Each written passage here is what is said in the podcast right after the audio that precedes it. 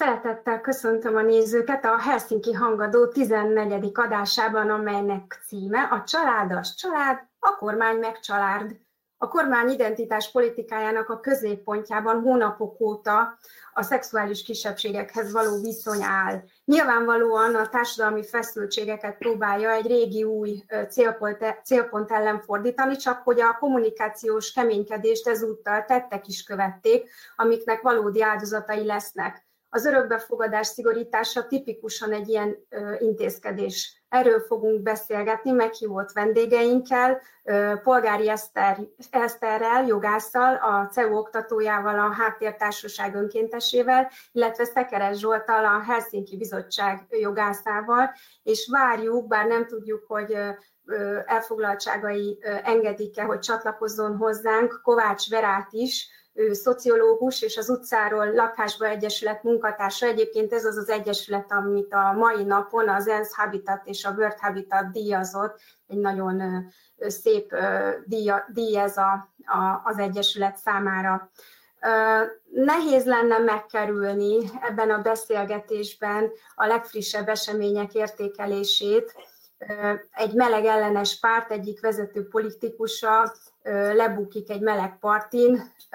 Mit gondoltok arról, hogy elképzelhető-e, hogy ez a botrány módosít a kormány politikáján, hiszen most a parlament előtt van több törvénymódosító javaslat is, elképzelhető-e, hogy esetleg ezt most prolongálják, azt nem gondolom, hogy visszavonják, de minden esetre most leveszik a napirendről egy ideig. Eszter, ha beszélsz, akkor létszik kapcsolód be. Igen. Én is köszönöm a meghívást, jó itt lenni veletek. azt szerintem csak spekulálni tudunk, hogy milyen hatása lesz ennek a, a, a törvénytervezetre. A kormány párt meglehetősen határozottan elhatárolódott, tehát azt gondolom, hogy megpróbálják távolítani maguktól a, az ügyet, és nem hiszem, hogy ez arra készíteti őket, hogy revideálják a nézeteiket a, a szexuális kisebbségekkel összefüggésben, de, de nyilván ez egy, ez egy mozgó célpont, és nem nagyon tudunk még e, távolabbi következtetéseket levonni abból, ahogyan reagáltak, és, és hogy ez mennyire hat ki a, a, a jogalkotási szándékra, szerintem ez csak spekuláció. Én nem tartok valószínűnek a, a magánvéleményemet kérdezitek. Zsolt, és köszöntök mindenkit, és örülök, hogy, hogy velünk tartotok ezen a péntek délutánon. Gondolkodtam ezen elég sokat az elmúlt pár napban, amióta ugye kirobbant ez a, ez a botrány, és éppen így készülve a ma délutáni beszélgetésre olvastam a sajtóban ma megjelent legújabb felméréseket, közvéleménykutatásokat, amik szerint a magyarok többségét nem az zavarja, hogy milyen eseményen uh, vett részt ez a képviselő, vagy hogy ott mit csinált, hanem az a képmutatás, amivel egy olyan pártnak a tagja, ami pont most fordul rá az elmúlt hónapokban élesen az LMBTQ népességre, és ehhez képest ennek a pártnak egy prominens képviselője az alaptörvény egyik fogalmazója, ami ugye, aki ugye beleírt ebbe az alaptörvénybe, hogy a házasság férfi és nő szövetsége, ehhez képest egy teljesen más életet él. Tehát, hogy még egyszer mondom, nem az bántja az embereket a felmérés szerint, hogy mit csinál, hanem hogy eközben mit mond arról, hogy hogyan éli az életét. És én őszintén azt gondolom, hogy egy nagyon nagy lehetőség áll a kormány előtt mert ezek után, és ugye ma több prominens kormánypárti vagy hozzájuk szorosan kötődő ember is elismerte, hogy hát 30 éve tudják, hogy, hogy, hogy ez a képviselő tulajdonképpen a saját neméhez vonzódik. Akkor viszont én azt gondolom, hogy a 133 bátor embernek a parlamentben itt van lehetősége újra nagyon bátornak lenni, és beismerni, hogy valóban tévedtünk, Mindannyian ismerünk melegeket és leszbikusokat, ott vannak a barátaik között, ott vannak a családtagjaink között, akkor is, hogyha erről nem beszélünk, de teljesen egyértelmű, hogy így van. és, és egy fordulatot venni, és azt mondani, hogy, hogy beismerjük hogy ez a hozzáállásunk, ez emberi életeknek a megtöréséhez vezet. Mert szerintem ez is egy elképesztően szomorú szál ennek a történetnek, hogy ez a képviselő, Szent József egy megtört ember, aki, akinek rejtegetnie kellett az, hogy ő kicsoda, mert a pártja vagy ezt kérte tőle, vagy ezt várta tőle, vagy ő nem bízott a pártjában és a közösségében annyira, hogy felvállalja magát, és látjuk, hogy ez hol vezet. Az önmegtagadás öngyűlölethez vezet, az öngyűlölet pedig ahhoz vezet, hogy mások ellen szítunk gyűlöletet. Teljesen egyértelmű, nem egy pszichológus leírta meg, hogy a leghangosabb homofóbok a leglátásebb melegek. Úgyhogy mindenki nem a következtetést a többi politikusra nézve is, és nagyon remélem, hogy a 133 tényleg bátornak kikiáltott ember most bemutatja, hogy tényleg bátrak, beismerik a tévedéseket, és felhagynak az LMBT népességgel szembeni gyűlöletkeltéssel és jogfosztással. Ez kapcsolódnék így az utolsó mondataidra, hogy a legádázabb homofóbokról szokott kiderülni, hogy látens melegek, vagy éppen egyébként nem is annyira látensek. A magyar sajtó szemben az angol százzal ezt tabunak tekintette, tehát nem járt utána az elmúlt 10-20-30 évben egyszer semmilyen plegykáknak, amik politikusokról keringtek, de nem csak meleg témában nem jártak utána, hanem sok politikusról keringett, hogy prostituálthoz jár, hogy ilyen-olyan kilengései vannak, de ezt valahogy tabuként kezelte. Mit gondoltok arról, hogyha, hogy ez egy helyes gyakorlat, hiszen ha hiszen ez tényleg a magánélethez tartozik, vagy hogyha a sajtó sokkal jobban utána járt volna a plegykáknak, akkor a homofób politikusok például kevésbé lennének előtérben, lehet, hogy a társadalom, a közvélemény jobban lenne edukálva azzal kapcsolatban, hogy mi az a képmutatás. Ez csak egy okoskodás részemről a véleményeteket kérdezem, hogy szerintetek jobb lenne, hogyha a sajtó e tekintetben jobban, rámenősebben nézni a, a, a politikusoknak a magánéletét is, főleg akkor, hogyha bort isznak és vizet prédikálnak bizonyos plegykák szerint. Szerintem ezért egy, ez fontos egyébként különbséget tenni a között, hogy utána járnak-e azoknak a plegykáknak, hogy prostituáltakhoz járnak, illetve az, hogy utána járnak-e annak, hogy egyébként melegek a, a szabad idejükben. Szerintem ez nem ugyanaz a, az a kérdés.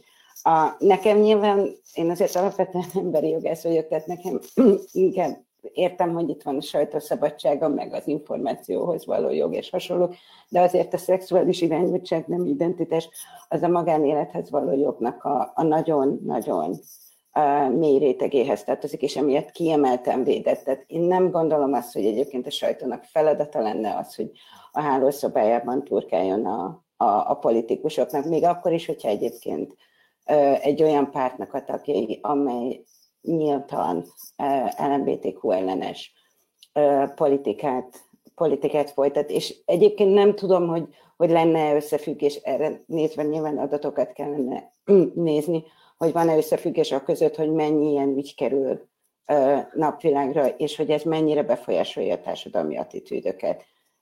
Nem biztos, hogy olyan erős a korreláció, mint amit, amit te, te gondolsz, vagy egyébként szerintem intuitívan mindannyian azt gondoljuk, hogy ez így van, de szerintem egyébként nem így van. Tehát azért ez úgy, úgy látszik, hogy a, hogy a, hogy a társadalmi elfogadást azt nem feltétlenül ilyen dolgok befolyásolja. Nyilván azok, az pozitívan befolyásolja, és arra nézve voltak mérések, hogyha ha több politikus coming out és van, van, van példa erre, és, és láthatóvá válnak ők is, mint melegek, mint egyébként a saját közegükben nagyon kényelmesen mozgó, mozgó melegek, az mindenképpen pozitívan hat a, a társadalmi attitűdökre, de összességében nem biztos, hogy, hogy olyan erős a, az összefüggés a kettő között, mint amilyennek mi gondoljuk.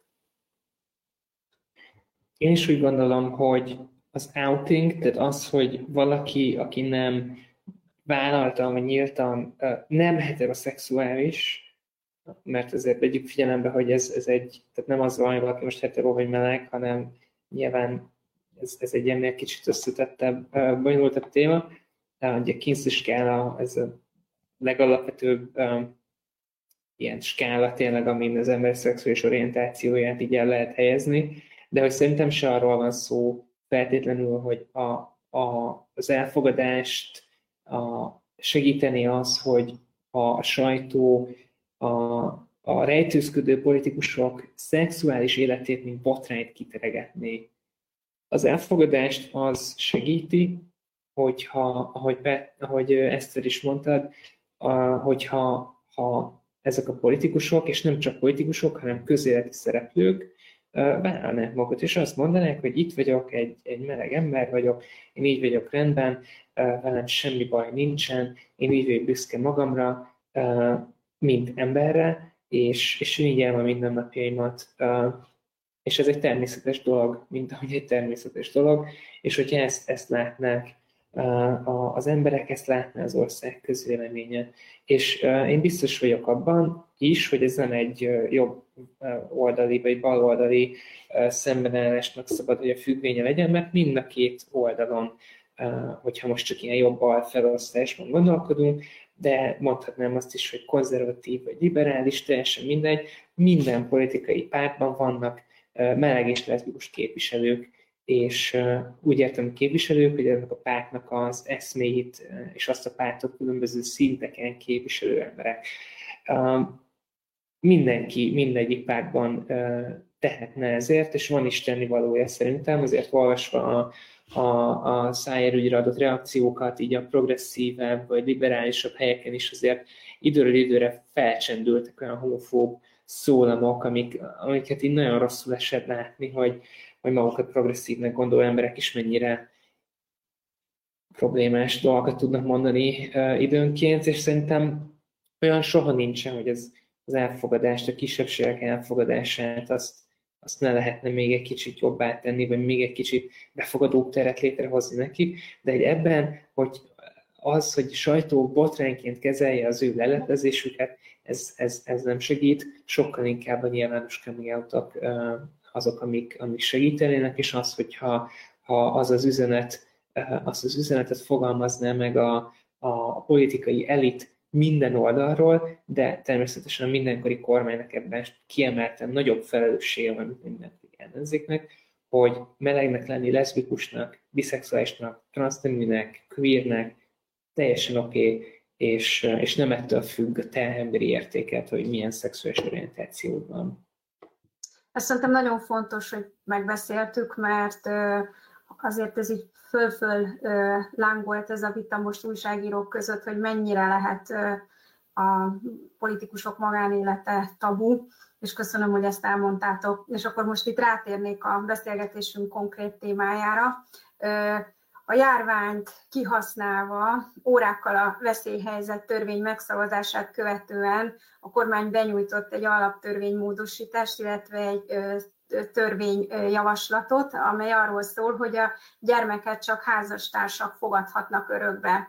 Egyrészt az a kérdésem, mielőtt kibontanánk konkrétan ennek a javaslatnak a tartalmát, hogy a járványt kihasználva nyújtott be a tavaszi időszakban is egy LMBTQ közösséget érintő javaslatot is fogadott el azonnal a kormány, illetve a parlament, amely a 33-as paragrafusként elhíresült transzembereknek a jogait hát korlátozza.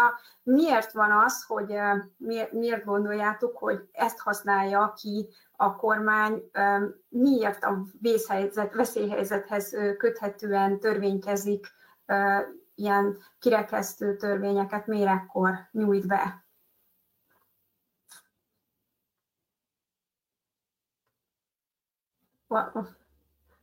Kezdem akkor szívesen. Ugye az fontos, hogy a veszélyhelyzet, tehát annyiban használja ki a kormány, hogy, hogy ugye annak az ideje nyújtja be ezeket a törvényjavaslatokat az országgyűlésnek. Ugye a veszélyhelyzet ideje alatt a kormánynak megnövekedett jogalkotási lehetősége van, és amikor a, a márciusban benyújtották azt a saját a törvényt, ami a 33-as szakaszt is tartalmazta, a, a, nem, a nem és a név jogi elismeréséről, vagyis közkeleti nevén a nem változtatásról annak a betiltásáról szóló törvényjavaslatot benyújtotta, akkor mint hogyha lett volna egy kis, kis ilyen zavarodottság, vagy, vagy közkeletű tévedés tulajdonképpen arról, hogy, hogy ez most mit jelent, hogy a, hogy a veszélyhelyzet idején valahogy a kormány ezt megtiltja a veszélyhelyzetre hivatkozva, de nem erről van szó. A, a veszélyhelyzet idején a kormánynak valóban nagyobb jogköre van rendeleteket alkotni, és rendeletben akár alapvető jogot is korlátozni, annak érdekében, hogy azt a azt a, azt a veszélyt, ami miatt ugye különleges jogrendet ki kellett hirdetni, hatékonyan le tudjuk győzni. De itt nem erről van szó, hanem arról, hogy rendes jogalkotási eljárásban a kormány módosít, a kormány javaslatára az országgyűlés módosítani fog törvényeket, amiknek az égvilágon semmi között nincsen. A koronavírushoz egy dologhoz van közük, ahhoz, hogy ennek a kormánynak uh, szemmel láthatóan is ennek a a hatalma lévő politikai erőnek az alapvető jogok azok nem védendő értéket, hanem a korlátlan hatalomgyakorlás útjában álló akadályt jelentenek. Egész egyszerűen erről van szó.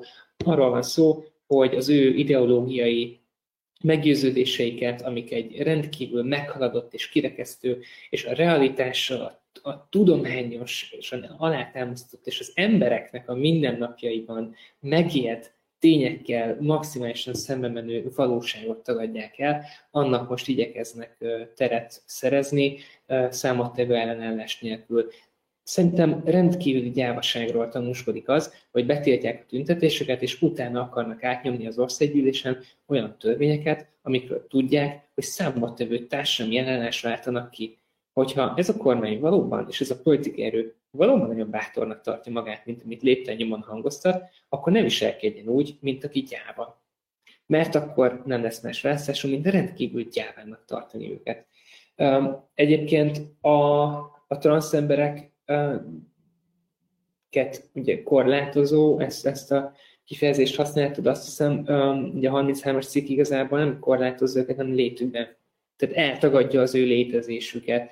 És nekem személyesen nagyon bántó az, olvasva ezeknek a jogszabályoknak, jogszabály módosító javaslatoknak az indokolását, hogy a kormány tagjai, akik jegyzik ezeket a módosító javaslatokat, beemelik a, a saját hitbéli meggyőződésüket más emberek alapjogainak korlátozása megalapozására. Egy teremtett világról hallunk itt a férfi és nő, mint két teremtett külön egységről olvashatunk nem helyén való szerintem saját meggyőződésből, vallási vagy világnézeti meggyőződésből más embereket a létezésükben eltagadni, és a létezésüknek az alapját megkérdőjelezni. Ez nem férhet össze szerintem semmilyen uh, hitbéli meggyőződéssel, és nem hiszem, uh, hogy, hogy erre bármilyen hit alapot adhat. Uh, és nem is ez a kérdés, hanem az, hogy, hogy az alaptörvény védelmezőjeként nekik az a feladatuk, hogy minden embert egyenlőnek kezeljenek, és végrehajtsák azt, ami az alaptörvény szerint az állam elsőleges feladata, ez pedig az alapvető jogok védelme. A, a, gyermek, a gyermekeket pedig ugye csak házastársak fogadhatnak örökbe vonalon, pedig csak annyit szeretnék mondani, hogy rendkívül cinikusnak és, és jogsértőnek is gondolom azt, hogy a gyerekek jogainak védelmével kampányolnak azért, hogy több gyerek maradhasson az állami gondozásban és a, és a szakellátásban, abban a gyermekvédelmi rendszerben, amiről évek óta konzekvensen és sorozatosan megállapítja minden egyes vizsgálat, amit, amit végeznek, kiemelten és kifejezetten gondolok itt az alapvető jogok biztosának, az ombudsmannak a vizsgálatára, aki rendre megállapította, hogy sokszor még a, a bántalmazó, kihasználó, elhanyagoló otthoni közegben is jobb helyen voltak a gyerekek, mint az állam gondozásában. És ezzel, hogy mindenféle torz ideológiai megfontolás alapján az állam azt mondja, hogy majd akkor fogadhatnak örökbe gyereket egyedülállók, hogyha Novák Katalin hozzájárul, egy dolgot ér el, hogy több gyerek marad egy rendszer szintű bántalmazásban, egy olyan uh, helyzetben, ahol nem remélhet hogy nagyon nagy csodával remélheti csak azt, hogy nyugodt gyerekkora lehet, békés gyerekkora lehet, ahol lehetőségek kap arra, hogy kiteljesítse az ő emberi potenciáját, megküzdjön azokkal a traumákkal és borzalmakkal, amik elől igazából állami, állami védelembe került, mert ez a rendszer erre nem képes. Az állam csak súlyosbítja ezeknek, ezeknek a gyerekeknek a szenvedését azzal, hogy megtagadja tőlük annak a lehetőségét, hogy szerető családhoz kerüljenek. Eszter kérdezem. Én teljesen egyetértek azzal, amit, amit Zsolt mondott, és nem is nagyon tennék sokat hozzá, de hogy azért ez egy rettenetesen cinikus hozzáállás volt így mindvégig, tavasszal is, és most is. Tehát ezek nem olyan törvényjavaslatok, illetve az alaptörvénymódosítás, ezt nem a, akkor aznap délután dobták össze, tehát ezek relatíve jól kidolgozott, főleg az alaptörvénymódosítás, relatíve jól kidolgozott szövegek, ezek ott voltak a fiókban, arra vártak, hogy beadják őket, és ezt beadták mind a kettőt órákkal a, a, a veszélyhelyzet kihirdetését követően. Uh, ugye nincsen lehetőség arra, hogy, hogy, hogy az emberek tüntessenek ellene, tehát ugye a, a gyülekezési jog korlátozott, illetve nem volt egyáltalán semmiféle társadalmi egyeztetés egyikről sem. Tehát ugye ezek megint mentek, a, a, amikor a kormány beadja, tehát gyakorlatilag nem volt, nem volt szakmai egyeztetés egyik kérdésben sem, és, és mérhetetlen retrográd javaslat mind a kettő, tehát erről nyilván fogunk beszélgetni, hogy miért problémás az örökbefogadás, azon túl, hogy, hogy egy személy nem szakmai alapú diszkrecionális döntésén fog, fog múlni az, hogy egyedülállókhoz kerülhet egy gyerek, az egyébként tényleg agyon kritizált és mérhetetlenül rossz állapotban lévő állami gyermek jóléti rendszerből. És nem tudom, hogy itt van-e már velünk Kovács Vera, az, mert látni nem látjuk, de most úgy látom, hogy a mikrofonja felkapcsolódott. Szeretettel köszöntelek Igen, és meg is hogy, hogy bekapcsolódsz a beszélgetésbe. Kovács Verát köszöntjük, aki szociológus és a frissen díjazott utcáról lakásba egyesület munkatársa. Um, arról kezdtünk beszélgetni már konkrétan a, a törvényjavaslatról, amely a gyereket csak házastárs a gyerekeket csak házastársnak engedi örökbe fogadni. Azt kérdezem vele tőled, hogy az indoklás szerint ez azért szükséges, mert a házasságok tartósabbak, mint az élettársi kapcsolatok, és ez valóban alátámasztható-e, valóban tartósabbak-e, vannak-e arra vonatkozóan követő vizsgálatok, hogy egyébként akik élettársi viszonyban nevelnek örökbefogadott gyereket, azok kevésbé végzik jól a munkájukat, be kell avatkoznia a gyermekvédelemnek az olyan esetekben, amikor élettársaknál van a gyermek, vagy bármiféle olyan statisztika, ami alátámasztja azt, hogy biztonságosabb légkörben nevelkedhet egy kisgyerek, hogyha házastársak nevelik. Hát én igen, pont ebből a gyermekvédelmi szempontból kezdtem el foglalkozni ezzel a kérdéssel, és sajnálom, hogy nem hallottam az eddigieket, de most a fogászatról csatlakoztam be ide, úgyhogy nem tudom, hogy milyen szempontok merültek már fel, és melyek nem. A, amit fontos tudni, hogy most jelenleg 23 ezer gyerek és fiatal van állami gondoskodásban, ami egy óriási szám, és ehhez képest ezer örökbefogadás történt meg az utolsó két évben évenként, ami egy kedvező tendencia az örökbefogadásoknak a száma, lassan, de biztosan emelkedik az elmúlt években. Viszont amit ezen belül látni kell, az az, hogy az örökbefogadáson belül az egyedülállók aránya folyamatosan növekszik, és tulajdonképpen pont ez okozza a többletet az örökbefogadások összes számában. Tehát valójában nem a családoknak mondott házaspárok fogadnak örökbe több és több gyermeket, hanem nagyjából ez a többlet az egyedülállók számának növelkedésével alakul párhuzamosan, remélem ezt így érthetően mondtam, uh-huh. és ami még ehhez hozzátartozik, hogy 3000 kisgyerek vár örökbefogadó szülőkre a rendszerben, tehát ez azt jelenti, hogy nem jut minden örökbefogadásra váró kisgyerek családba a mai napon sem.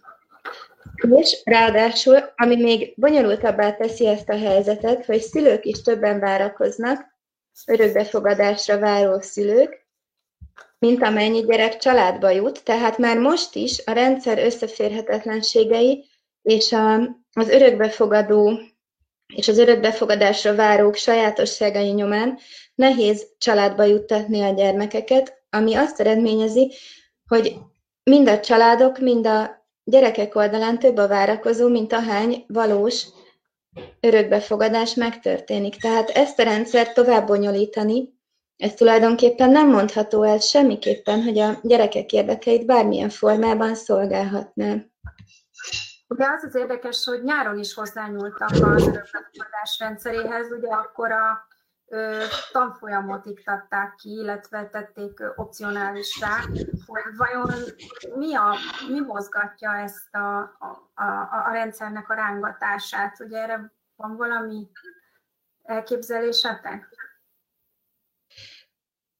Én ezt ezzel azért tudom folytatni, tehát amikor azt mondjuk, hogy gender ideológia, akkor az, az nem egy ilyen egy olvasatú dolog, hogy gender ideológia, amit az ellenzék gondol a társadalmi nemekről, hanem nyilván a Fidesz is gondol valamit a társadalmi nemekről és a nemi szerepekről, és ezt próbálja most politikai szintérre terelni, és érvényesíteni úgymond kényszereszközökkel, és ezzel abszolút kapcsolódom a Zsolt mondandójának a végéhez, hogy megpróbálja mindazokat, akik az ő politikai alapon meghatározott gender ideológiájában nem férnek bele másodrendű állampolgárokként kezelni, és ezt akár egyébként olyan áron is, hogy ebben a, a törvénymódosításban abszolút a gyerekeknek az érdekére hivatkoznak, de képmutató módon, tehát azokkal a statisztikai számokkal, amiket hoztam, és amiket egy ö, mércén megjelent cikkhez gyűjtöttem össze, ezekből abszolút látszik,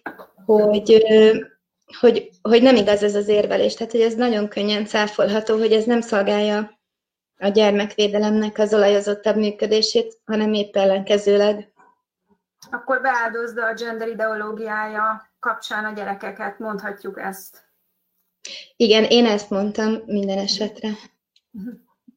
Többiek hozzáfűzni való? Én azt hiszem, hogy egyébként a, azt hiszem, hogy a, a, a, például a, a a, az a tanfolyam, tehát az alkalmaság előtti, megállapítás előtti tanfolyam eltörlésével például gyorsítani akartak a, a, a rendszeren, tehát ez volt azt hiszem a, a, a hivatalos, hivatalos indokolás, hogy, hogy gyorsítsunk a, az örökbefogadásokat. Én egyébként most jegyzeteltem abban, amit Vera mondott, mert hogy ezeket a számokat, én még a mércén láttam, de hogy, hogy ezeket a számokat azért nagyon, nagyon fontos megjegyeznünk, hogy, hogy itt azért jóval több gyerek van állami gondozásban, mint ahányan egyébként örökbefogadásra várnak, illetve örökbefogadó szülőkhöz kerülnek, és az, hogy a, az a tendencia, amire gyakran hivatkozik a, a kormányzati kommunikáció, hogy növekszik az örökbefogadások száma, ez azért növekedett, mert, mert az egyedülállók örökbefogadtak. Érdekes egyébként elolvasni például a, a, a Gyermekjogi Civil Koalíciónak van egy nagyon hosszú és alapos értékelése az örökbefogadási szabályok változtatásáról, és, és például abban megjelenik az, hogy az, örök, az egyedülálló örökbefogadó sokkal elkötelezettebb. Tehát ez egy sokkal uh, hosszabb uh, uh, tervezésnek az eredménye, hogy valaki egyedülállóként uh, örökbefogadásra jelentkezik, illetve amiatt, hogy egyébként meg volt már a házastársaknak biztosított preferencia a rendszerben, hosszabb ideig is kellett várakozni, és csak olyan gyereket kaphatott örökbefogadásra, akit házastárs nem volt hajlandó örökbefogadni. Tehát, hogy ez, ez sokkal inkább valószínűsítette azt, hogy, hogy egyedülálló szülők fogadnak örökbe például traumatizált gyerekeket, vagy, vagy, vagy valamilyen betegséggel élő gyerekeket, akit egy házastárs viszonylag könnyen el fog utasítani, és nagyobb is a, a valószínűsége, hogy ezeket a gyerekeket elutasítják ők. Zsolt. Abszolút. Köszönöm, abszolút egyetértek Verával és Eszterrel. Én még egy dologra hívnám fel itt ezzel kapcsolatban a figyelmet, arra, hogy mennyire jól rávilágít ez arra, hogy a, milyen súlyosan, uh, milyen súlyos következményekkel jár az, amikor a, a jogalkotó ugye megszegi a saját maga által hozott törvényeket. Ugye létezik egy, egy jogalkotásról szóló törvény, ami ugye előírja azt, hogy minden esetben, amikor a kormány benyújt valamilyen törvénymódosító javaslatot, vagy hozzá szeretne nyúlni valamilyen rendszerhez, és különösen indokolt az akkor szerintem, amikor a nagy ellátórendszereknek a reformjába kezdünk bele, legyen itt szó a gyermekvédelemről, az oktatásról, az egészségügyről, bármiről, ami, ami ugye az emberek életét alapvetően meghatározza, akkor kötelezően előír egy csomó dolgot, amit egyébként a kormány évek óta rutinszerűen nem tart be, és ez lehet, hogy ilyen nagyon jogászi összehasonlításnak hangzik most, de előírja például a társadalmi egyeztetést, előírja a hatástanulmányt. Ezek azt jelentik, hogy mielőtt a kormány javasol valamilyen módosítást, akkor nem csak így ukmok fog belevág, és egy felső direktív, direktíva mentén meghatároz, hogy így lesz, mert a főnök ezt gondolta reggel jónak, bárki is legyen az, hanem, hanem egy szakmai munkát feltételez ez. Azt feltételezi, hogy a releváns minisztériumban, meg annak a háttérintézményében ülő emberek, akiknek elvileg ez a dolguk, meg ehhez értenek, megnézik, hogy a javasolt módosítás milyen költségvonzattal járna, milyen hatása lenne az átalakításra érintett embereknek az életére. Megnéznék a rendelkezésen álló statisztikákat, amiket ugye Vera nagyon szuperül behozott, hogy, hogy hogyan viszonyul ugye az örökbefogadásra váró gyerekek száma, az örökbefogadásra váró szülőknek a száma egymással, az, hogy növekszik az örökbefogadásoknak a száma, az mennyiben köszönhető? Egyébként az egyedülállóknak, milyen trendek érvényesülnek ebben a folyamatban, tehát mi az, amit nekünk kormányzatként elő kéne segíteni annak érdekében, hogy gyerekeket családhoz juttassuk, Ugye gyerekeknek keresünk családot, nagyon fontos, nem az örökbefogadóknak gyereket egyeztetés, egyeztetés is előír a jogalkotási törvény, meg kell kérdezni egész egyszerűen a szakembereket, akik a, a terepen dolgoznak, akiknek gyakorlati tudásuk van arra, hogy ez hogyan megy. Meg kell kérdezni azokat, akik, akik gyermekotthonokban dolgoznak, meg kell kérdezni azokat a civil szervezeteket, többek között például a gyermekjogi civil koalíciónak a tagjait, és tényleg én is csak ajánlani tudom a civil koalíció nagyon részletes és iszonyatosan magas szakmai színvonalú állásfoglalását, mert szerintem uh, csodálatos, uh, hogy ez, ez megjelent, és uh, csak bátorítani tudom a civil koalíció tagjait az ehhez hasonló bátor állásfoglalásokra, ilyen megosztó társadalmi kérdésekben is.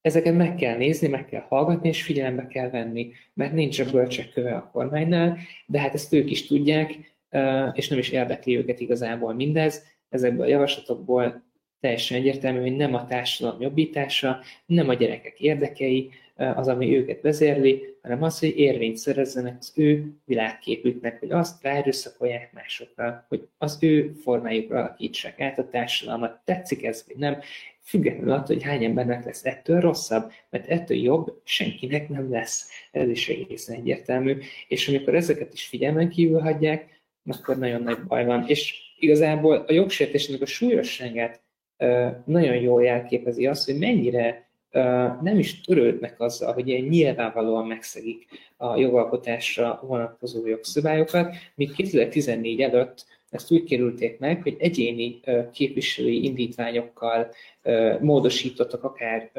hatalmas jelentőségű jogszabályokat is, amikre nem vonatkoznak ezek a követelmények, és eljátszották, hogy a random képviselő meg jutott eszébe teljesen átírni mondjuk az oktatást, nem jut most eszembe konkrét példa, most már erre de még a látszatra sem adnak, tehát teljesen de ez nem azért van, mert magas a... volt tesznek, tesznek az egészre. Ez nem azért van, mert a veszélyhelyzeti törvényt használják ki? Tehát, hogy itt például most találtunk egy okot rá? Nem, nem, nem, nem ennek semmi köze nincs a veszélyhelyzethez. Nem. Nem, és csak egy kicsit kapcsolva, egyébként a, a, a családok védelméről szóló törvény volt egy ilyen nagyon eklatáns példája annak, hogy, hogy mi az, ami egyébként egyéni képviselői indítványként ment be. De hogy, csak kapcsolatban ahhoz, amit Zsolt mondott, ez a, ez a jogszabály előkészítés, és mit kellene vizsgálni a jogszabály előkészítés során, például vizsgálni kellene azt, hogy, hogy ütközik-e nemzetközi szerződésbe a jogszabály. És a nemzetközi szerződésbe ütközésnél ott vizsgálni kellene, hogy az emberi jogi egyezmény és, annak, és a bírósági esetjogba ütközik-e. Pont azért, hogy, hogy egyébként kivédje a kormány azt, hogy belefutnak már megint egy, egy, egy pofonba Strasbourgból, vagy akár egyébként a luxemburgi bíróságtól is. Na, ezek mind elmaradnak, és ez a, ez a törvénycsomag, vagy ez a jogszabálymódosítási csomag, mert ugye ebben van alaptörvénymódosítás is, ez tele van olyan, olyan dolgokkal, amik, amik egyébként a, az egyezmény alatti esetjogot, tehát az Emberi Jogok Európai Bíróságának gyakorlatát sértik. Évtizedes gyakorlatot fog sérteni az, amit a, amit a transzokkal csináltak még, még májusban, és ezekre egyáltalán nem reflektált a, a kormány. Úgyhogy egyébként júniusban jött ki Strasbourgból egy, egy, egy transzítélet Magyarországban szemben, az egy másik probléma volt, mert ott, mert ott nem magyar állampolgár volt a, a kérelmező, de, de hogy ezek, ezeket lenne hivatott kiszűrni például a, a jogszabály előkészítésnek ez a, ez a törvényben szabályozott folyamata, na ez egyébként. És egy, ez nagyon jól kapcsolódik oda, hogy, hogy korábban még igen, megpróbálták megkerülni ezeket az egyeztetési szabályokat, mert korábban azért ezt egy kicsit, kicsit visszafogottabban csináltak. Tehát, hogyha most elolvassátok a, a, a, a, a, az értelme, vagy hogy hívják, az indokolásokat a, a törvényjavaslathoz, az általános és a részletes indokolásokat, ott már egyáltalán nincs meg az, hogy megpróbáljuk úgy, megpróbáljunk úgy csinálni, mintha ezek semleges szabályok lennének, és, és persze megint a kisebbség, az LMBTQ hangos kisebbség uh, ugrál azért, mert, mert magukra nézve sértőnek érzik ezeket. Most már egy az egyben benne van az, hogy miért születnek ezek a szabályok. Tehát miért kerül be például az alaptörvénybe az, hogy az apa a férfi és az anyanő, vagy az anyanő és az apa férfi. Tehát ez egy abszolút transzcendens szabály, bár nem annak tűnik, de egyébként az a, az a célkitűzés, és ezt le is írják. Tehát most már nincs meg az, hogy ilyen, ilyen finomkodva megpróbáljuk feltart, fenntartani egy, legalábbis a látszatot, ez teljesen eltűnt a rendszerből. Tehát ilyen szempontból nagyon-nagyon erősen működik ez a, a, az ideológiai e, mestjén való, való kodifikáció, az, hogy a saját világképüket próbálják meg átnyomni a társadalomra jogszabálymódosításokon keresztül, csak ezt már nem, nem óvatosan és nem, nem okosan teszik. Zsolt, én még egy nemzetközi egyezményt szerettem volna behozni, ami pedig a gyermekjogi egyezmény.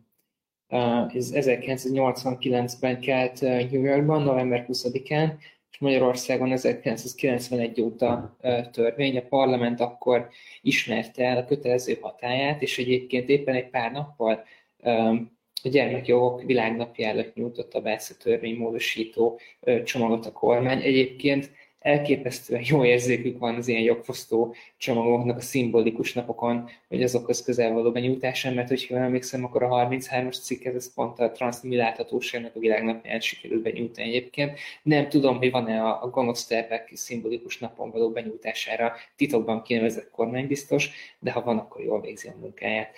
Szóval a gyermekjogi egyezmény is egyébként előírja azt, hogy minden az államnak és az állam minden hatóságának, minden szervének, de nem csak az állami, hanem a magánszféra összes szereplőink is. Egyébként minden a gyermeket érintő kérdésű, intézkedésükben, minden a gyermeket érintő kérdésben a gyermek mindenek felett álló érdekét kell elsősorban figyelembe venniük.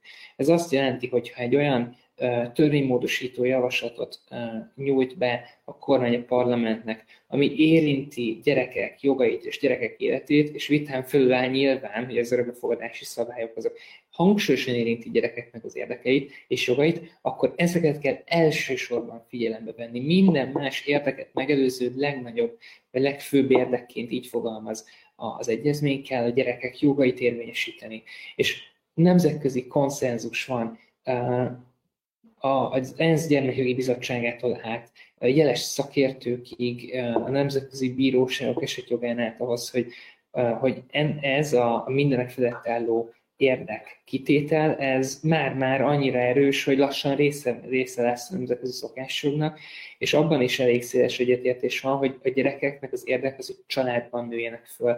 Ahol csak erre lehetőség van, ott a családot egyben kell tartani, és ahol erre lehetőség van, ott az államnak aktív kötelezettsége az, hogy elősegítse azt, hogy gyerekek családban nőjenek fel akkor is, hogyha valamilyen okból az eredeti családjukból, az eredeti környezetükből ki kell őket szakítani. Az államnak nem arra van kötelessége, hogy feláldozza a gyerekeket valami mondva csinált ideológiai harcnak a, a terén, hanem arra, hogy az ő érdekeiket nézze. És egyébként, még visszatérve a társadalmi egyeztetésig, társadalmi egyeztetéshez, a gyermekjogi egyezmény azt is kifejezetten előírja, hogy a gyerekeknek joguk van kinyilvánítani a véleményüket az őket érintő kérdésben, amit a döntéshozóknak figyelembe kell venniük nyilván olyan mértékben, amilyen mértékben a gyerekek az ítélképesség birtokában erről véleményt tudnak nyilvánítani.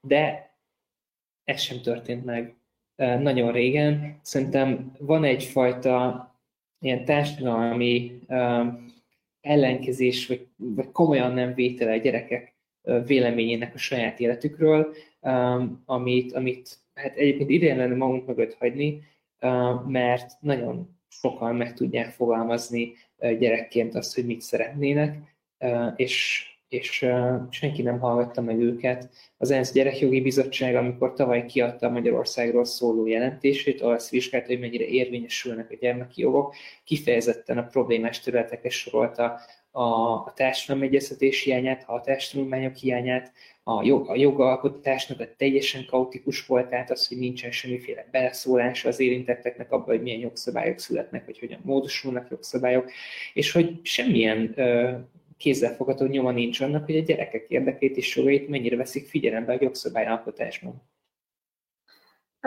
Még hozzátok fordulok jogászokhoz, mielőtt Verát külön kérdezném. A azt, hogy ezek a nemzetközi egyezményekben foglalt passzusok nyilvánvalóan nem mutatkoznak meg ezekben a törvényekben, illetve az alkotmánymódosításban sem. Ez jelentheti-e azt, vagy lehetőséget ad-e arra jogvédő szervezeteknek, vagy magánszemélyeknek, hogy pert indítsanak akár gyermeki oldalról, tehát hogy a gyermekjogok érvényesülése elmaradása okán, akár szülői oldalról, hogy egyedülálló szülő van diszkriminálva az örökbefogadás tekintetében. Tehát hon, honnan lehet ezt megfogni? Akár nemzetközi jog porondján, akár még a magyar alkotmány porondján is.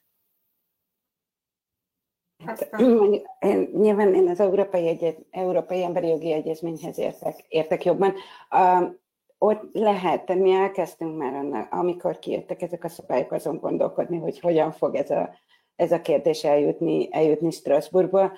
Uh, és nyilván, amiatt, hogy nem nagyon látjuk még a részletszabályokat, hogy az egyedülállók nevezett diszkrecionális jogot hogyan fogja Novák Katalin majd uh, használni, és, és hogy hogy egyébként már fel se terjesztik-e majd az egyedülálló LMBTQ kérelmezőktől érkező ö, ö, alkalmassági vizsgálat, vagy hát ilyen örökbefogadási kérelmeket. Tehát itt még azért nem nagyon látjuk, hogy, hogy mi az, a, mi az, a, a, az út, amit, amit ki lehet használni, de onnantól kezdve, hogy van egy határozat, amiben az, az a szerencsésebb, amiben kimondja a hatóság, hogy azért nem, uh, nem engedélyezték az egyéni örökbefogadást, mert szexuális irány, irányultsága vagy nem identitása miatt a kérelmező alkalmatlan, hát ez szuper, mert akkor ezzel lehet menni bírósághoz, és aztán, hogyha a bíróság azt mondja, hogy hát igen, az, egy magyar bíróság azt mondja, hogy hát ezzel nem tud mit kezdeni, akkor, akkor viszont van valami a jogorvoslatok kimerítését követően, amivel el lehet menni a Strasburgi Emberi Jogi Bírósághoz, ahol viszont ez egy, ez egy nagyon régóta alkalmazott mérce, hogy kizárólag szexuális irányultságon vagy nem identitáson alapuló különbségtétel elfogadhatatlan. Van egy nagyon szűk lehetőség a kormánynak arra, hogy, hogy nagy, különösen súlyos érvekkel bizonyítson, de ezt még semmelyik kormánynak nem sikerült nem csak Magyarországon, magyar, magyar kormánynak, hanem semmelyik kormánynak nem sikerült az egyezmény alatt kimenteni ilyen különbségtételt. Az egy, az egy bonyolultabb kérdés, hogyha, hogyha ez nem szerepel az elutasításban, mert akkor meg kell várni azt, hogy legyen egy, legyen egy, egy trend az elutasítások között, amikor is már bizonyítható az, hogy ez a szabály bár, bár neutrálisnak tűnik, minden egyedülállóra vonatkozik, mégis aránytalanul súlyosan sújtja az LMBTQ embereket, ez ilyen kicsit ilyen indirekt diszkriminációs érvelés, de ehhez viszont más statisztikai adatok kellenek, tehát ez egy kicsit időigényesebb. Nem nagyon látjuk, hogy ez hogyan fog működni, mert ugye az nincsen benne a jogszabályban, hogy milyen szempontok alapján fogják ezeket az egyéni kérelmeket mérlegelni. Ezt majd törvényben fogják meghatározni, hogy mi ez a különös méltányolást igényből eset, amikor ezt, amikor ezt engedélyezik, ez még nincsen meg ez a törvény. Tehát ez, ilyen szempontból nem tudjuk. Az, hogy a Magyar Alkotmánybíróság előtt lehet-e sikeresen ilyen, főleg alkotmányjogi panasszal élni, azt nehéz megmondani. A Magyar Alkotmánybíróság egy kicsit megosztott abban, hogy mennyire kell az alkotmány értelmezése során figyelembe venni például az emberi jogi egyezmény alatti standardokat. Erre van egy, van egy szabály, azt a szabályt még mindig nem írták felül, ami az esetjogban alakult ki még 2011-ben, tehát ez a, a, egyfajta ekvivalencia szabály, de, de azért ez, ez részben a, a bíróságtól függ. Ebben a transzügyben, amit, amit megnyertek a, a jogvédők, Strasbourgban a, a, a nyár elején, ott az alkotmánybíróság az alkotmányjogi panaszt elutasította, viszont hivatalból uh, alkotmányellenes molesztást állapított meg.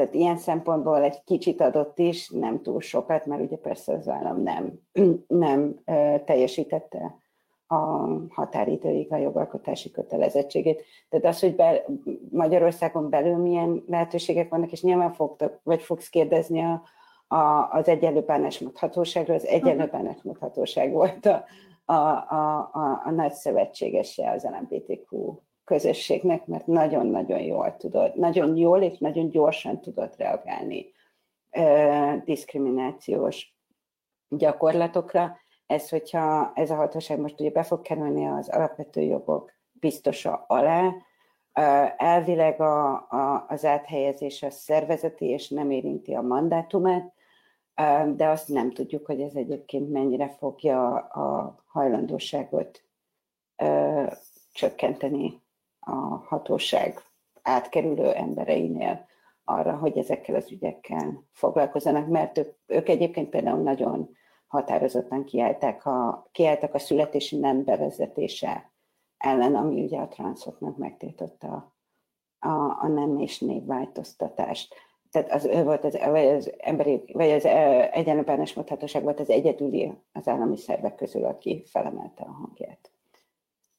De hogy mindenképp van, mindenképp van lehetőség arra, csak ugye ezek mind nagyon hosszú ideig tartó, mm. tartó jogorvoslati folyamatok, tehát eleve végig kell menni a belső jogi fórumokon, ami ugye egy felülvizsgálati, egy közigazgatási felülvizsgálat, és aztán még a kúria jó esetben, meg még akkor az alkotmánybíróság, mivel az alkotmányjogi panasz most hatékony jogorvoslatnak minősül Magyarországon, tehát ez azért évek mire, mire kijut Magyarországról egy ilyen ügy, tehát ez nem lesz egy, egy gyors segítség a, a, az örökbefogadásra váró egyedülállóknak. És hát jó sok gyerek függetlenül. Tessék? És jó sok gyerek élet megy tönkre ennyi idő alatt. Hát igen, meg hát mondjuk egy, egy nulla éves, öt éves lesz addigra, és akkor még relatíve gyorsan ment végig, a, végig az eljárás. Zsolt. Hát évek lehetnek, igen. Én úgy gondolom azonban, hogy ugye, ahogy, ahogy Eszter is mondta, bár nem hiszem, hogy a kormány legújabb gonoszságával szembeni felstratégiát a legbölcsebb uh, részletből menően a nyilvánosság előtt megvitatni, uh, de az biztos, hogy, hogy a kormány is azért sokat tesz azért, hogy gyártsa maga ellen a bizonyítékokat rendesen. Tehát, hogyha megnézzük, hogy tehát még hogyha az is lesz, hogy nem lesz leírva feketén-fehéren, hogy ez az ember azért nem kap gyereket, mert homoszexuális. Nem biztos, tehát hogy ha már van egy fajta kimutatható trend, és mellé tud, tudják a panaszosok és az őket képviselő ügyvéd vagy a szervezet tenni azt, hogy nézd, kedves bírók, nézd, kedves bíróság, ezt és ezt mondta a kormány képviselője, a törvényjavaslatot benyújtó miniszter ezzel indokolta, ebben a sajtótermékben ezt, ezt nyilatkozta, teljesen jól dokumentálható, hogy mi ennek az egész borzalomnak a célja. Nem lehet a bíróságokat hülyére venni, teljesen egyértelmű és, és át lehet látni a szitán, hogy mi ennek a célja, és nyilván ez elbukik azon a diszkriminációs teszten, ami, ami ugye Strasbourgi Bíróságnak az esetjoga szerint teljesen egyértelműen tilos. Tehát nyilvánvaló az, hogy, hogy nem lehet szexuális orientáció alapján hátrányos helyzetbe hozni állampolgárokat és az ő magánéletet és családélethez olyukba ilyen mélyen és durván belenyúlni államként. Tehát ez, ez, ez, ez megengedhetetlen.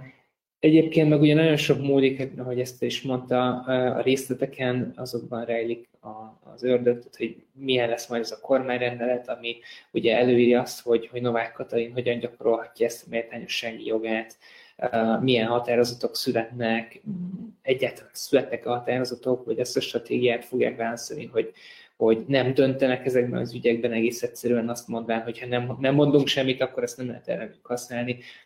Ez sem így van de, de, de igazából ezeken sok múlik a gyakorlaton, a konkrét gyakorlaton, amit majd, amit majd alkalmaznak, illetve a részletszabályokon, amiket majd ezeknek az elfogadása után, hogyha ugye a 133 úgynevezett bátorembert nem inspirálja önvizsgálatra a képviselőtársunknak a bukása, elfogadnak.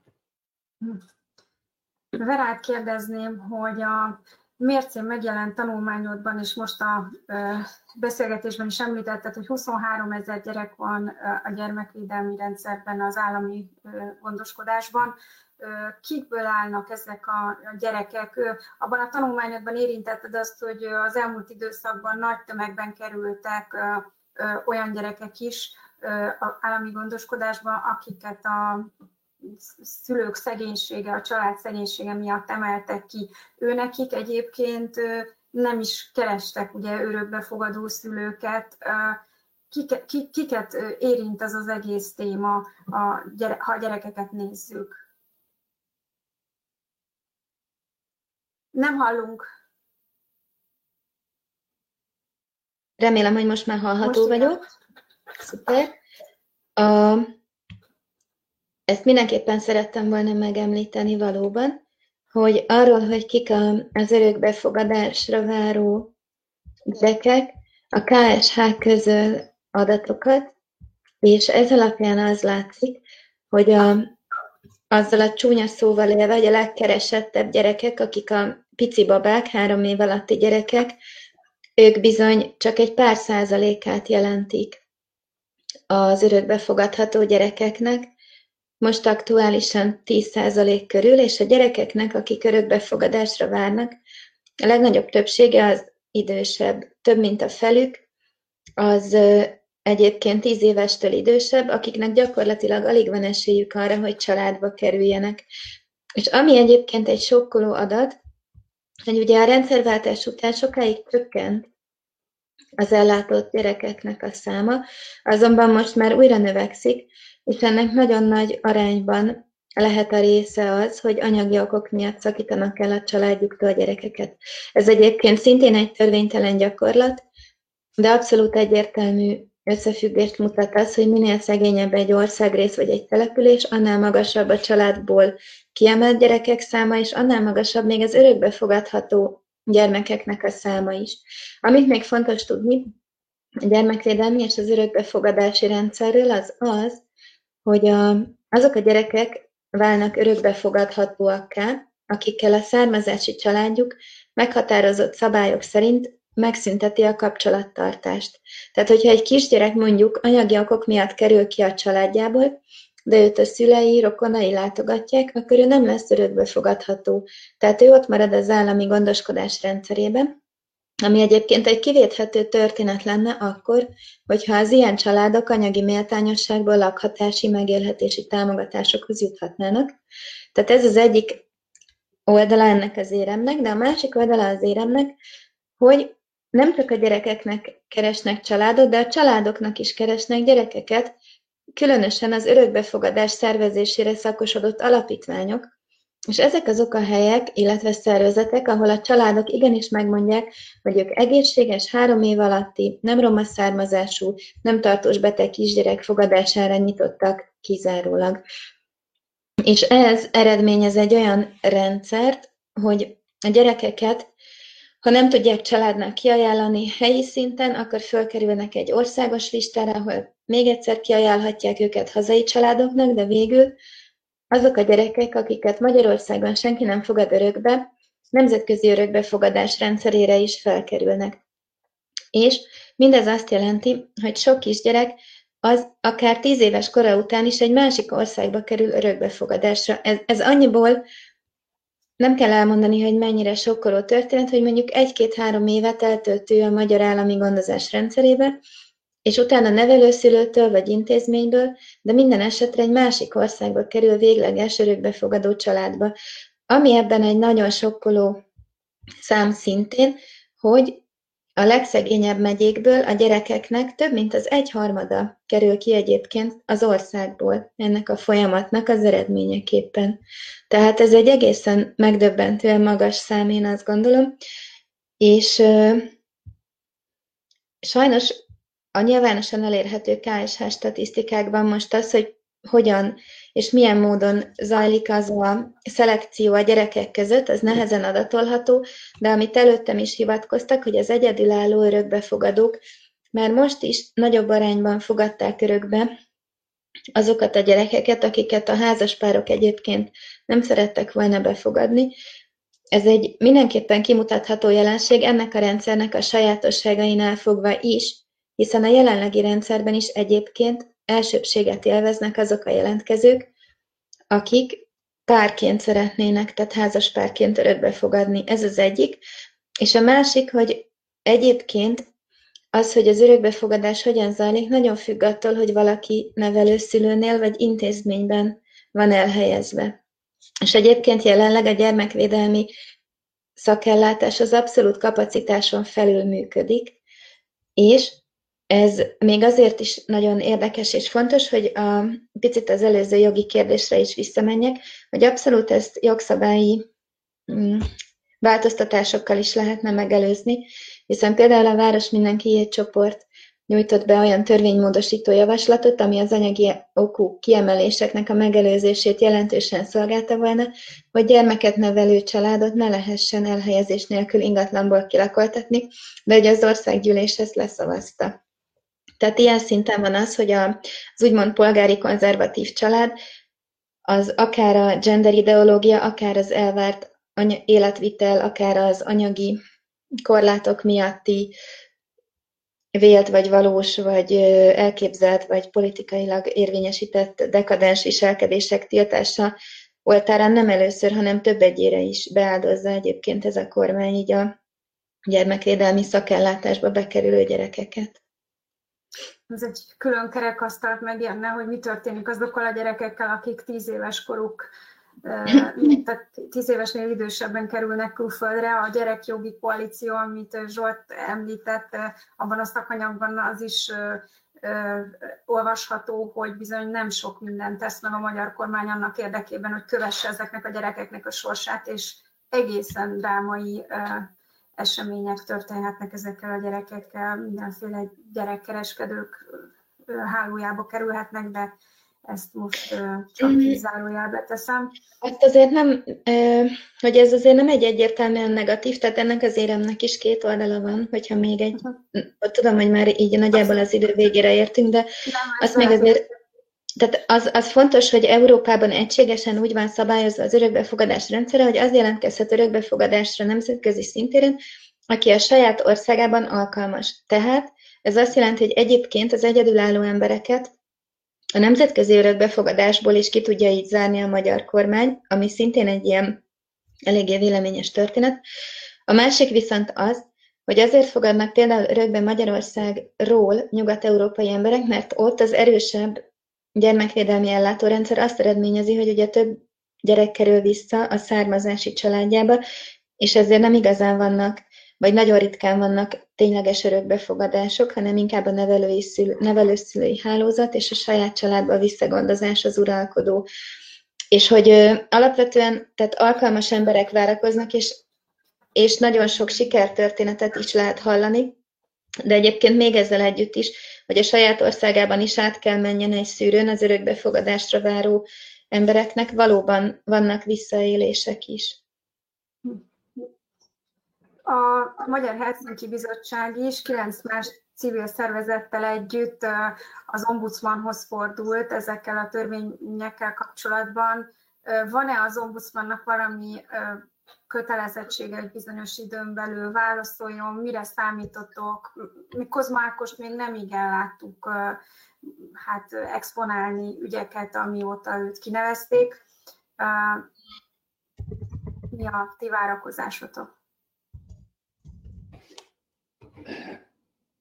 A mi várakozásunk az, hogy az alapvető biztos, hogy tenni fogja a dolgát, és élni fog, nem csak, hogy élni fog az alaptörvény adta jogaival, hanem meg is fogja tenni azt, amit az ő szerepe megkövetel tőle az alapjogvédelem magyar rendszerében. Nyilván ezért is fordultunk hozzá, mert úgy gondoljuk, hogy neki nem csak jog, hanem kötelessége is fellépni a kisebbségek démonizálás és jogfosztó törekvése ellen. Az ő tevékenységét szabályozó törvény legelején egyébként, amikor meghatározzák, hogy mi az ombudsman dolga, a törvény nevesíti kifejezetten a gyermekek és a legsérülékenyebb társadalmi csoportok védelmét, mint az ombudsman különleges mandátumát. Tehát neki kifejezett um, figyelmet kell fordítania, megkülönböztetett figyelmet kell fordítania a, a kisebbségek, a, a sérülékeny társadalmi csoportok és a gyermekek jogainak a védelmére.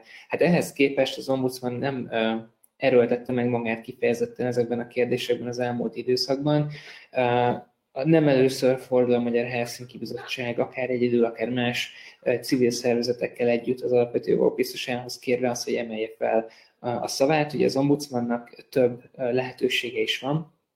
Egyrészt ugye ez az intézmény, ez, ez nagy részben a nyilvánosság erejével operál.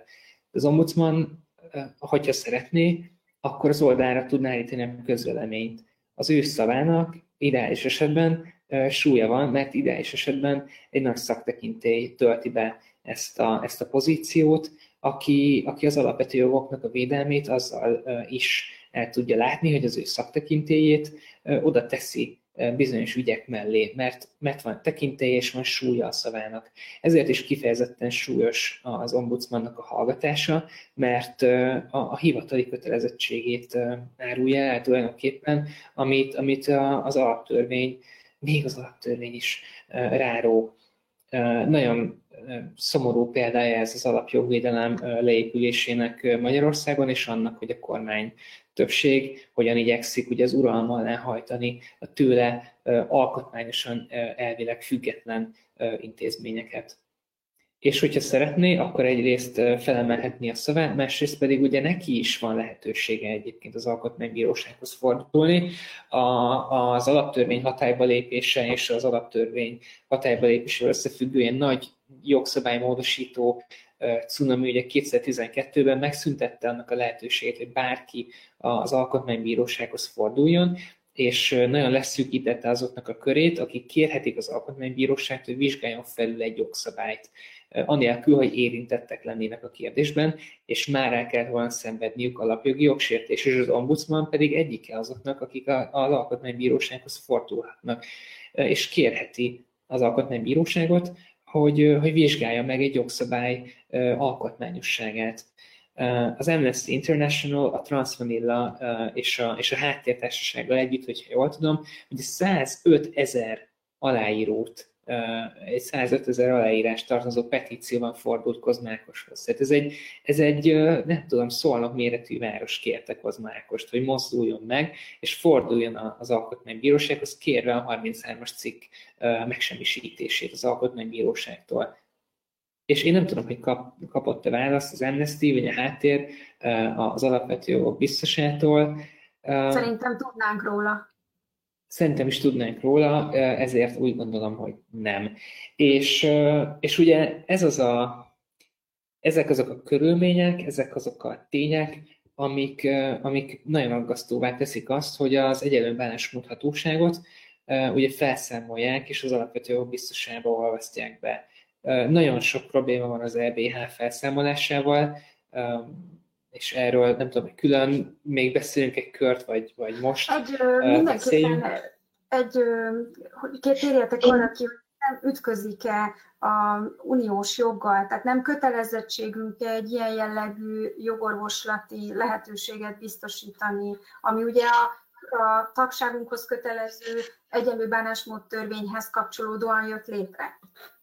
Igen, én elnézést ezért, hogy közbeszólok, csak én úgy tudtam, hogy 17 óráig vagyunk itt, és már nagyon türelmetlenül hívnak egy másik egyeztetésbe, úgyhogy én el kell, hogy köszönjek, de további nagyon jó és gyümölcsöző beszélgetést, hogyha folytatjátok. Néhány perccel csúszunk csak tovább, de köszönjük szépen, hogy velünk voltál Kovács Vera, szociológus, a utcáról lakásba egyesület képviselőjét hallottuk, és akkor jó munkát neked a következő meetingbe. Köszönöm szépen, sziasztok! Ja. Kötelessége, igen, a magyar jogalkotónak létrehozni egy olyan állami szervet, ami az egyenlő bánásmód követelményét vizsgálja, és ugye az egyenlő bánásmód követelményének a, a sérelme esetén fel tud lépni, azonban az uniós nem határozza meg azt, hogy konkrétan hogy kell kinézni ennek a szervnek. Tehát az, hogy az egyenlő bánásmódhatóság volt eddig, és most nem az lesz, ez önmagában nem sérti az uniós jogot, sőt, a kormány megpróbálkozhat eladni az egészet azzal, hogy az egyenlő bánásmódhatóság, mint ugye neve is mondja, egy hatóság, egy állami hatóság.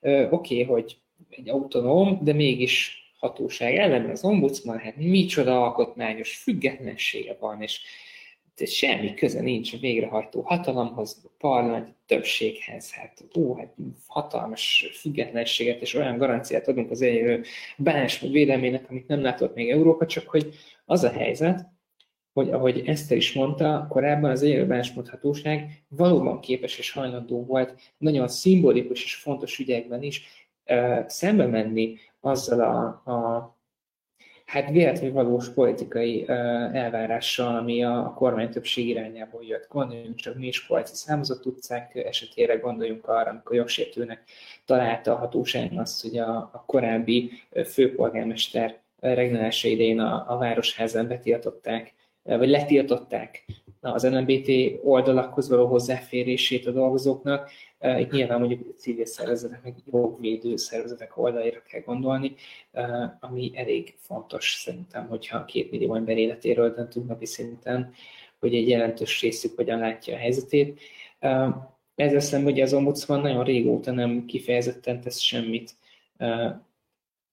ilyen fajsős ügyekben, mint a 33-as cikk, vagy nem szólalt fel most, például az alaptörvénymódosítás kapcsán, de nem hallottuk kifejezetten tiltakozni akkor sem, amikor az év elején a miniszterelnök egészen elképesztő rasszizmusról tette a bizonyságot a gyöngyös katai kártérítés kapcsán. Gondoljunk vissza ugye az ő különleges mandátumára a gyermekek és a különösen kiszolgáltatott társadalmi csoportok védelme érdekében, és ezek tükrében ez iszonyatosan fájó, és nagyon félő az, hogy a, helyet, hogy egy külön állami hatóság őrködne az egyenlő bánásmód követelményének betartása fölött, ez egy pici osztályra redukálódik majd az, az ombudsman hivatalában, nem tudni semmit arról, hogy ezek a felkészült szakemberek, akik akik régóta foglalkoznak ezzel a területtel, és ennek szakértői folytatják el a munkaviszonyukat, őket is nagyon könnyen egyébként egy léti bizonytalanságba taszíthatja ez a módosítás. Ez a kapkodás, amivel ez az egész jár, azt is eredményezi, hogy egy hosszú időszakra felfüggesztik a más folyamatban lévő ügyeknek a vizsgálatát, ez pedig jogbizonytalanságot eredményez, és, és, és tanácstalanságot a panaszosok oldalán, meg egész egyszerűen nem kap annyi figyelmet egy olyan nagy szervezeten belül, mint az alapvető jogok biztosának hivatala, egy pici részterület a Magyar Helsinki Bizottság évek óta igyekszik rávilágítani arra, hogy mennyire rosszul működik a nemzeti megelőző mechanizmus például, ami ugye kínzás, embertelen és megelázó bánásmód megelőzésére jött létre. Ők azok, akik nézik a fogvatartási helyeken azt, hogy, hogy embertelenül bánnak emberekkel, kínoznak embereket, mennyire alulfinanszírozott, mennyire kevesen vannak, és hogy a, a, a mennyire kevés helyre tudnak ellátogatni, mennyire nem tudja betölteni a feladatát ez, a, ez az egység, nem egy túl jó előjele és, és, és párhuzam ez. Az egyenlő bánásmód az bánásmód követelménye szempontjából, és hát az időzítés meg nem tudom, hogy véletlenül vagy nem, de amikor ilyen uh, iszonyatosan jogfosztó tartalmú törvényjavaslatokat nyújt a kormány be a parlamentnek, hogy ekkor gondol arra, hogy megszüntesse, vagy beolvassza az eddig uh, hosszú ideje már az, az egyenlő bánásmód mellett aktívan kiálló állami hatóságot egy az egyenlő bánásmód mellett egyre kevéssé aktívan, sőt már már rezignáltan ki nem álló uh, ombudsman uh, szervezeti rendszerébe, az egy nagyon uh, ijesztő lépés. Just, just, uh, csak egy, csak egy, egy pici, pici hozzászólás, hogy itt azért alapvetően a, a mostani ombudsman uh, irodájáról beszélünk, mert az előző ombudsman nagyon-nagyon aktív volt. Például a transzok ügyében, tehát ő többször nagyon átfogó vizsgálatot indított, 2016-ban, meg 2018-ban is foglalkozott az intersex gyerekekkel például, akikkel, akikkel soha senki nem foglalkozik, ha foglalkozik a magyar rendszerben. Tehát ennek fényében egyébként, ha, ha, ez, a, ha ez a döntés mondjuk négy évvel ezelőtt jön elő, vagy kerül elő ez a felvetés, akkor valószínűleg tiltakoztunk volna, de egy kicsit kevésbé tiltakozunk. Az, hogy egyébként miért most csinálják, ez részben mi is arra gondolunk, hogy, hogy egyrészt azért, mert az LMBTQ közösséget támadják, másrészt most járna a mandátum a, a, a hatóság vezetőjének, és, és ugye ebből volt már a kormánynak gondja, hogy, hogy a mandátum határi lejárta előtt rúgott ki embereket, csak gondoljunk csak a főbíróra, Úgyhogy lehet, hogy most egyszerűen kivártak addig, amíg, amíg egyébként lejár a, a mostani vezető, vezető mandátuma. Ez nagyon szomorú, mert ráadásul a, ebben a kérdésben az azonos nemű párok gyerekvállalásával kapcsolatban a magyar társadalom egész pozitívan gondolkodik. Tehát én, mikor készültem erre a beszélgetésre, megnéztem a Medián 2019-es kutatását, és ott 42 százalék támogatja 31%-kal szemben azt a gondolatot, hogy a melegszülők is jószülők, és 38 a 31 ellenében mondja azt, hogy jobb helyük van, mint a állami gondoskodásban a gyerekeknek egy melegpárnál. Tehát, hogyha mondjuk Kozma Ákos most megszólalna, egy olyan társadalmi közegben tenni ezt a megszólalást, vagy ha tenne valamit, különösképpen fontos lenne, akkor egy olyan közegben tenni, ahol azért vannak értő fülek, tehát felhangosodna az ő kiállása. Neked arról nem szabad ezért elfeledkezni, hogy, hogy szívánvány családok most is vannak. Tehát ez nem az, hogy most elvesszük azt a lehetőséget, hogy, hogy ilyen családok létrejöjjenek, nem. Itt arról szó, hogy egyrészt nem elveszük ezt a lehetőséget, másrészt megbélyegezzük azokat a családokat, amik már egyébként léteznek és ezek nem jogellenesen létrejött szivárvány családok, tehát ők semmi más nem csináltak, mint éltek azokkal a jogi lehetőségekkel, amiket a rendszer nyitva hagyott előttük. És most pontosan ezt a, ezt a, ezt a kiskaput zárja be a, a törvényjavaslat. Nagyon-nagyon határozott indokolással, pontosan azért, mert egyébként egyéni örökbefogadáson keresztül azonos nemű párok jutottak örökbefogadott gyermekhez. Tehát, hogy ez, ez, nem is, ez nem is leplezett célja a, a, a módosításnak, de szerintem arról is beszélni kell egyébként részben az, hogy azt nem tudom, hogy mennyire, mennyire romlottak egyébként a, a, a, a, a számok a társadalmi attitűdök terén. A homofóbia a, kimutatásokban mindenképpen visszább esett Magyarország, mint ahol volt korábban. Ez azért nagyban köszönhető a, a kormányzati retorikának, és az, hogy például ez ilyen homofób, transzfób megszólalások abszolút a politikai diskurzus részévé váltak, és nem az van, hogy itt egy ilyen elítélő nyilatkozatok áradata önti el a sajtót egy-egy ilyen megszólalást követően. Tehát az ellenzék oldaláról néha, de még az sem mindig. Tehát, hogy, hogy ezért ez most, most sokkal normalizálódottabb lett, mint korábban, korábban volt. Másrészt, nem is tudom, mit akartam mondani, de részben meg, meg, hogy, a, meg hogy ez örökbefogadás, meg, meg hasonlók, itt azért sosem voltak nagyon-nagyon erős számok Magyarországon, tehát sosem volt többség még eddig. Ez egy, ez egy norm, kicsit javuló tendencia, azt hiszem, de, de persze azért mégiscsak emberi jogokról beszélünk, és ugye az emberi jogokat nem feltétlenül szeretjük hozzákötni a többségi társadalom preferenciájához, mert hogy pontosan ebben áll az emberi jogok lényege, hogy ezek szembe mennek a többségi preferenciákkal, és nem a, a demokratikus akaratképzésnek kell feltétlenül érvényesülnie akkor, amikor amikor kisebbségi jogokról döntünk, bármilyen kisebbségi jogairól, mert ott a többségi társadalommal szemben érvényesítünk jogokat. Tehát, hogy én alapvetően nem szeretem, amikor így az a, az, az érvelés jön elő, főleg a szexuális nemi kisebbségek esetében, hogy de hát a többségi társadalom még nincs erre készen, és ez a Hát ez most, most épp azt akartam jelezni, hogy egyébként még készen is van. Hát nagyjából. Hát, ez olyan, hogy nagyjából.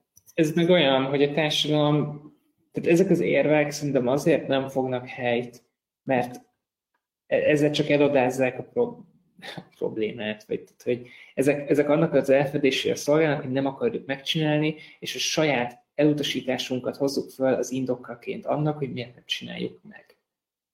Ez ennyi. És a társadalom kész lesz rá, amikor ez eljön. Ugyanúgy, ahogy Spanyolországban, amikor legalizálták az az házasságát, a többség nem támogatta, eltelt tíz év, kicsit több, és túlnyomó többség támogatja. Nagyon fontos üzenete van annak, hogy a döntéshozók és a politikai elit hogyan áll egy kisebbséghez. Nem csak abban van felelősségük, hogy milyen, uh, milyen törvényeket hoznak, uh, illetve milyen törvényjavaslatokat nyújtanak be, hanem abban is, hogy milyen Mm, hogy a beszédükben, a hozzáállásukban a, azt az üzenetet közvetítik-e az embereknek, hogy bizonyos dolgok nem elfogadottak, és a kisebbségek démonizálása és a velük szemben történő gyűlöletkeltés, azok pont ennek a részei, ezek nem szabad, hogy részesévé váljanak a közbeszédnek, mert az, az, az súlyos jogsértésekhez vezet, ahol normalizálódik az emberi méltóság megkérdőjelezése, a, a buszizás, meg az ehhez hasonló megszólások, azt tettek is tudják követni. És itt ugye a Magyar Helsinki Bizottságban nem egy esetben az elmúlt pár hónapban éltünk panasszal azért, mert a rendőrség nem védett meg rendezvényeket homofób és transzfób gyűlöletkeltőktől és provokátoroktól. De hát felmerül a kérdés ugye, hogy, hogy, hogy, hogy amikor a köz, az államhatalom hagyja jóvá a homofóbiát, akkor, akkor, akkor tulajdonképpen nagyon nehéz érvényesíteni ezzel szemben a, a józan normalitásnak a hangját, mi szerint hogy minden ember születésénél fogva egyenlő és egyenlő védelem és, és méltóság illeti meg. És egy demokratikus kormányzat, egy demokratikus hatalom nem tud más alapon működni, csak csak az egyenlő emberi méltóságnak az alapján. És aki ezt kérdőlezi meg, az végsősoron magát a demokratikus közmegegyezést kérdőjelezi meg, amire egy, egy normális európai jogállam épülhet. Nem véletlen, hogy ennyire fázik ez a kormány bármilyen ellenőrző mechanizmustól, ami ugye jogállamiságot szeretné számon kérni.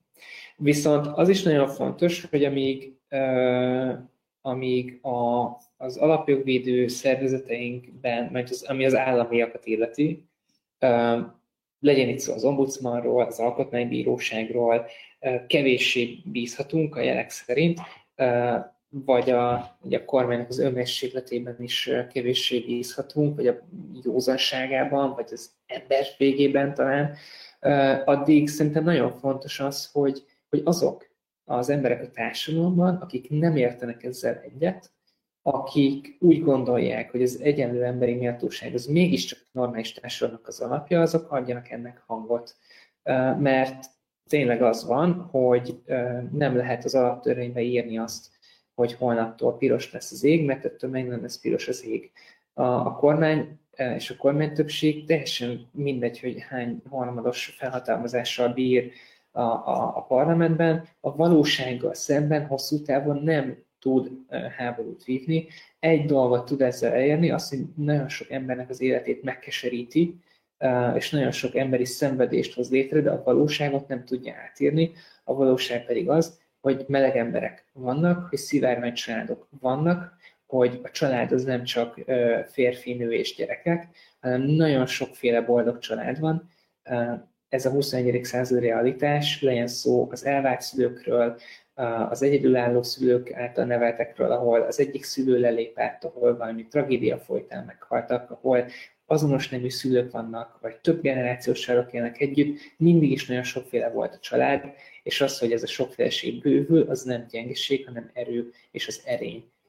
És ameddig a, a kormányunk a gyűlölkeltésben találja meg a politikai célját, addig rajtunk múlik, az embereken múlik, hogy tartsuk életben a szolidaritásnak a, a lángját, ami, ami a demokráciát valóban működővé tud tenni. Nem csak a melegeken, hanem mindenkin, aki nem ért ezzel egyet, mert mindenki tehet ezzel szemben valamit, és hogyha ez csak annyi, hogy felrajzolja a kezére ugye ezt a, ezt a képet, és posztol valamit, egy, vagy posztolja a gondolatait a család, a család hashtaggel, akkor csak annyi, csak idézőjelben, minden egyes kiállás nagyon számít különösen ezekben az időkben, amikor az alapvető értékeinket iszonyatosan erőszakosan és agresszíven kérdőjezi meg ez a képmutató hatalom.